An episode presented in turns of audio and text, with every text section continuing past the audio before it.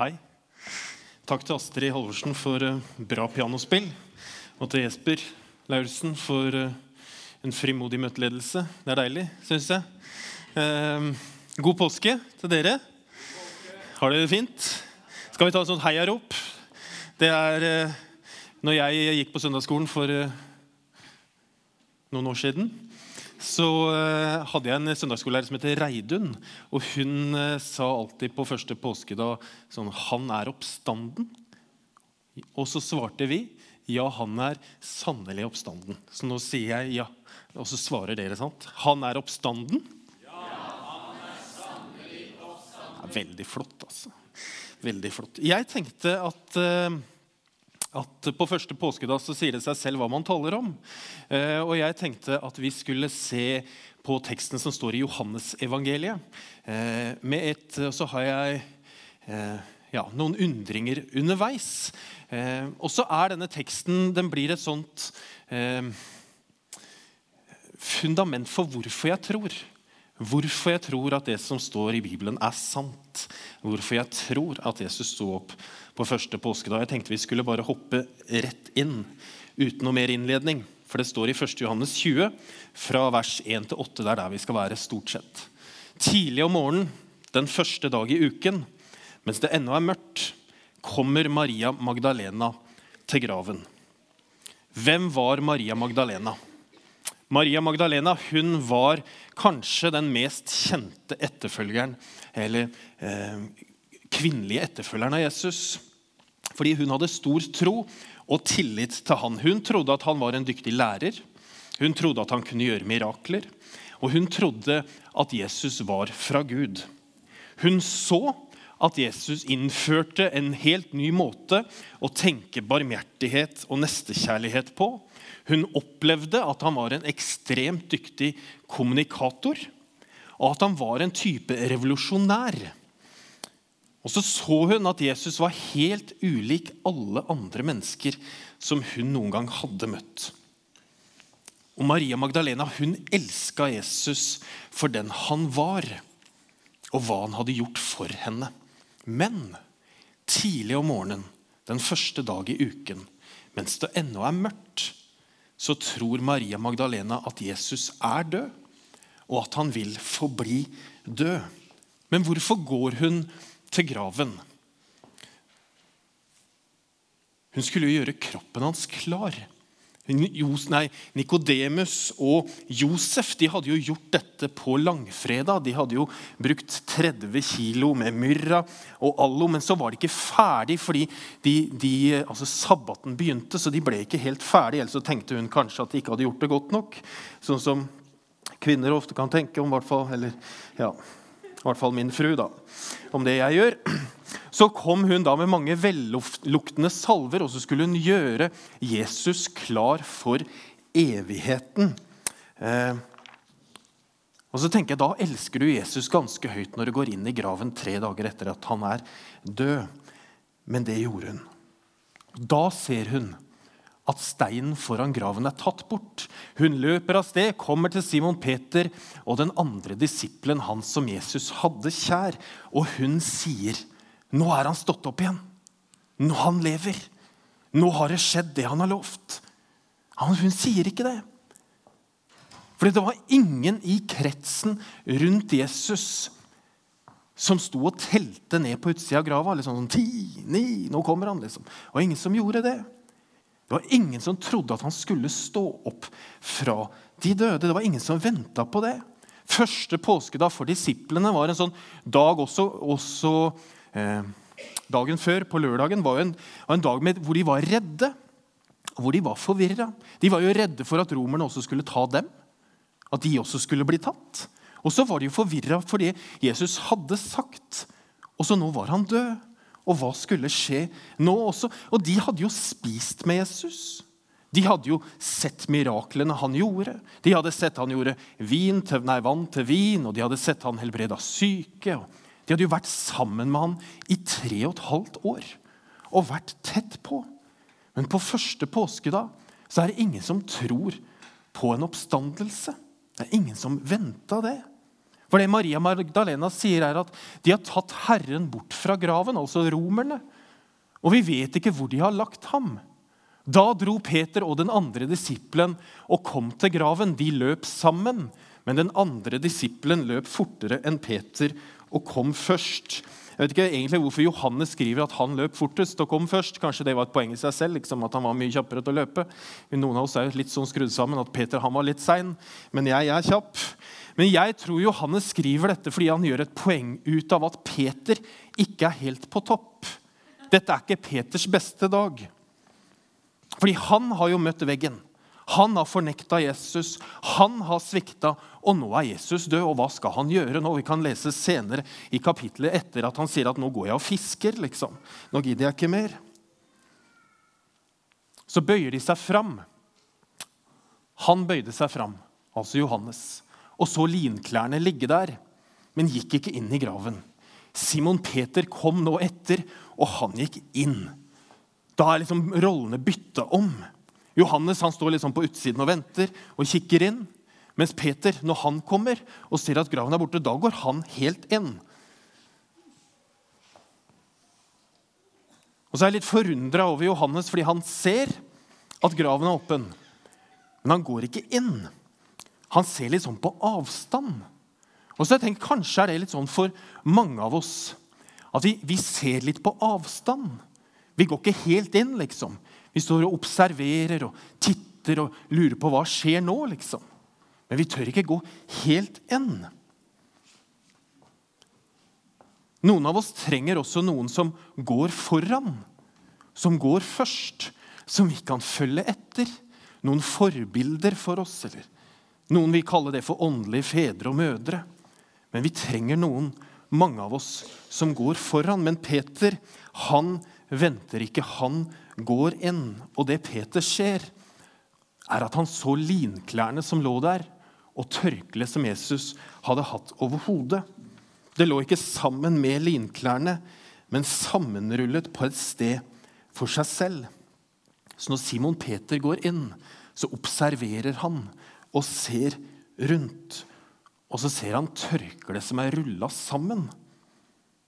Og Dette er kanskje det, et av de viktigste poengene for meg i denne historien. Er dette tørkleet som han hadde over hodet, som var rulla sammen. For meg så sier det noe om at Jesus han har kontroll. Når han våkner fra døden, så er det ikke sånn i vill panikk, liksom bare få dratt det vekk, men han ruller det vekk og legger det pent til side. Fordi Jesus har kontroll over døden og over livet. Og da gikk den andre disippelen også inn, han som var kommet først til graven. Han så og trodde. Når Johannes først går inn, så ser han, og så tror han. Peter han trenger litt lengre tid. Men Johannes, han var klar.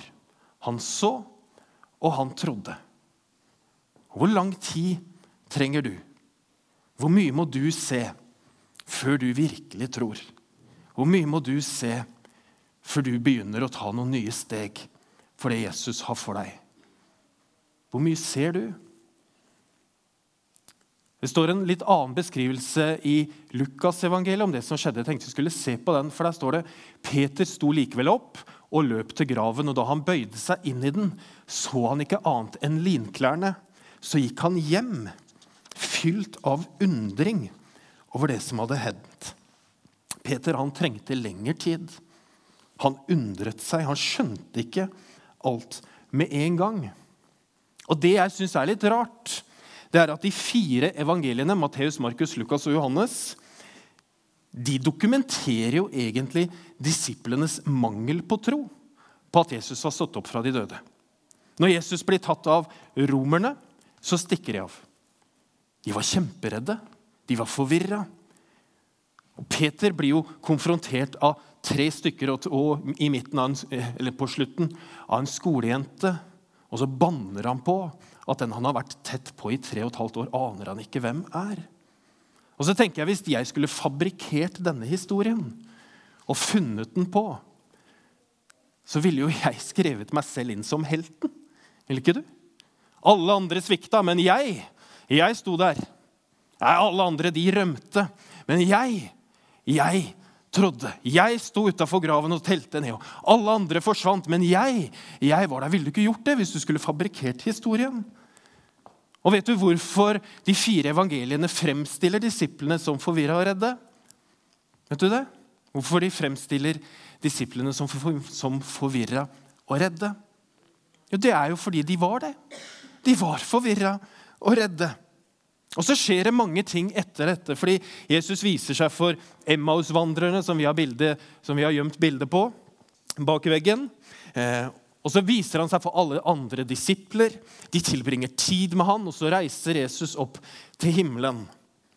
Og Så kommer Den hellige ånd på pinsedag, faller over disiplene. Og så blir de modige. Så får de kraft. Og plutselig så går den samme gruppa med mennesker som var livredde og forvirra, de går ut i gatene i Jerusalem, i den samme byen, med de samme folkene, bare kort tid etter. Og så repeterer de ikke det Jesus hadde sagt. Det er ikke sånn at de tar det han sier, og så, og så sier de det samme. Men så sier de plutselig at 'vi har sett'. Vi har sett at han har stått opp igjen. Vi har sett den oppståttende Messias, vi er vitner. Vi har hørt han, vi har tatt på han, Vi har sett det. I apostelgjerningene 3 så er en historie om eh, Peter som helbreder og forkynner en lam mann utenfor, eh, på tempelplassen utafor Salomos søylehall. Og så sier Peter, 'Jeg forkynner dere ikke det jeg har hørt, men jeg forkynner det jeg har sett.' Peter, han som var en feiging, og som rømte, og som undret seg, og som trengte lengre tid på å tro, han taler til det høye råd og de religiøse lederne i Jerusalem. De ypperste folka, de øverste, de med mest makt. Så sier han Da ble Peter fylt av Den hellige ånd og svarte dem. Rådsherrer og eldste i folket. Når vi i dag blir forhørt pga. én velgjerning mot en syk mann, og blir spurt om hvordan han er blitt helbredet, så skal dere alle og hele Israels folk vite dette. Når denne mannen står frisk foran dere, er det ved navnet til Jesus Kristus Nazaren, han som dere korsfestet, men som Gud reiste opp fra de døde. Hører dere hva han sier? Han sier det var dere som korsfesta ham. Det var dere som drepte ham. Og Det er nesten som han sier, be om unnskyldning. Be om tilgivelse. Kaifas, det var du som korsfesta ham. Når Den hellige ånd kommer og faller over oss, sånn som det ble gjort med Peter, da gir han oss kraft og mot til å forkynne evangeliet der vi er, og der vi bor. Da kan vi reise oss i troen på at oppstandelseskraften er nok for oss. At den virker i oss. At den gir oss det vi trenger. Det er kraften i oppstandelsen i dag som gir oss Den hellige ånd. Og da kan vi være med og forkynne det vi har sett, og det vi har hørt. For Peter sier at det finnes ikke frelse i noen annen, for under himmelen er det ikke gitt menneskene noe annet navn som vi kan bli frelst ved. De aller fleste mennesker tror at Jesus var et godt menneske, en god leder, en god kommunikator, at han viste kjærlighet og viste det på en annen måte. Men det som skjer på påskedag, det er at disiplene går fra å tro at han bare gjorde disse tingene og nå var død, til å tro at han sto opp fra de døde. At han vant over døden, og at han er Guds sønn. At han er den eneste som vi kan bli frelst ved. For de menneskene som brakte oss den Jesus som veldig veldig mange i vårt samfunn respekterer, er også de samme menneskene som sier at han sto opp fra de døde. Og så tenker jeg, Hvis vi skal tro på det første, hvorfor skal vi ikke da tro på alt? Hvorfor skal vi stoppe ved graven eller stoppe ved døden? Når vi ser at de dokumenterer sin mangel på tro, hvorfor skal vi stoppe der? Vet du at Vi som er kristne, vi som tror på Jesus, vi tror jo ikke at Jesus sto opp fra døden, fra de døde fordi Bibelen sier det. Og Det står jo i Bibelen. Men Bibelen er jo en samling av bøker og brev som er skrevet av mennesker, og som vi tror er inspirert av Gud. Men vi tror jo at Jesus sto opp fra de døde fordi Matteus så den oppståtte Jesus og dokumenterte det. Markus han levde i Jerusalem. Han visste om det som hadde skjedd. Han var kompis med Peter, og han skrev ned det som hadde skjedd. Lukas skriver at han undersøkte grundig og intervjua øyenvitner og mennesker om det som hadde skjedd, og skrev det ned. Johannes han så jo Jesus på korset. Han la armen rundt Jesu mor og gikk fra korset. Og Så tilbrakte han tid sammen med Jesus etter, oppståtte, etter at han var stått opp. Jakob, som har skrevet brev i Det nye testamentet, han var jo broren til Jesus. Og så tenker jeg, Nå har ikke jeg noen bror, men jeg tenker, hva skulle til for at jeg skulle tro at min bror var Guds sønn? At han vant over døden og lever? Når Jakob trodde det om sin bror, om Jesus, Hvorfor skal ikke vi tro det samme? Jakob ble jo en av lederne i den nye menigheten i Jerusalem. og Han trodde ikke kun at Jesus var hans bror, men han trodde at Jesus, som var hans bror, var også hans frelser. Tenk å si det. At min bror er min frelser. Min bror er min herre. Det er fantastisk. Paulus var jo den største forfølgeren av de kristne og skrevet halve Det nye testamentet. Og han ønsket jo for alt å fjerne de kristne fra kartet og utslette dem og få dem vekk. Og så møter han Jesus og blir en etterfølger av Jesus. Og så kjente han Matteus, Markus, Lukas og Johannes og Jakob personlig. Og så har han skrevet mye mer enn oppstandelsen enn noen annen. Vi tror fordi noen har trodd før oss. Vi tror på Skriftene, på Bibelen, fordi menneskene som har skrevet dem, har sett og hørt og trodd. I Jesaja står det men han ble såret for våre overtredelser, knust for våre misgjerninger. Straffen lå på ham for at vi skulle ha fred. Ved hans sår har vi fått legedom. I dag feirer vi at Jesus har stått opp fra de døde. At han har vunnet over døden. Takk og lov for det. At han åpnet døren inn til himmelen for oss alle. Og så kan vi tro at det er sant. Så kan vi tro fordi noen har trodd før. For så høyt har Gud elsket verden, står det. At han ga sin sønn for at hver dem som tror på ham, ikke skal gå fortapt, men ha evig liv. Dagen i dag det er den viktigste dagen i historien. Det er jo den som har snudd opp ned på alt. Og så er jeg så utrolig takknemlig for historien jeg kan lese i Bibelen om Matteus, om Maria Magdalena, om, om Lukas, om alle sammen. Skal vi be en bønn? Herre, takk for denne dagen. Takk for at vi kan tro at du har stått opp igjen. Takk for at vi kan tro fordi andre har trodd før. Og så kan vi se på de litt fra avstand, eller så kan vi være tett på. Men vi kan tro fordi andre har trodd før. Og takk, Jesus, for at du døde for mine og våre synder.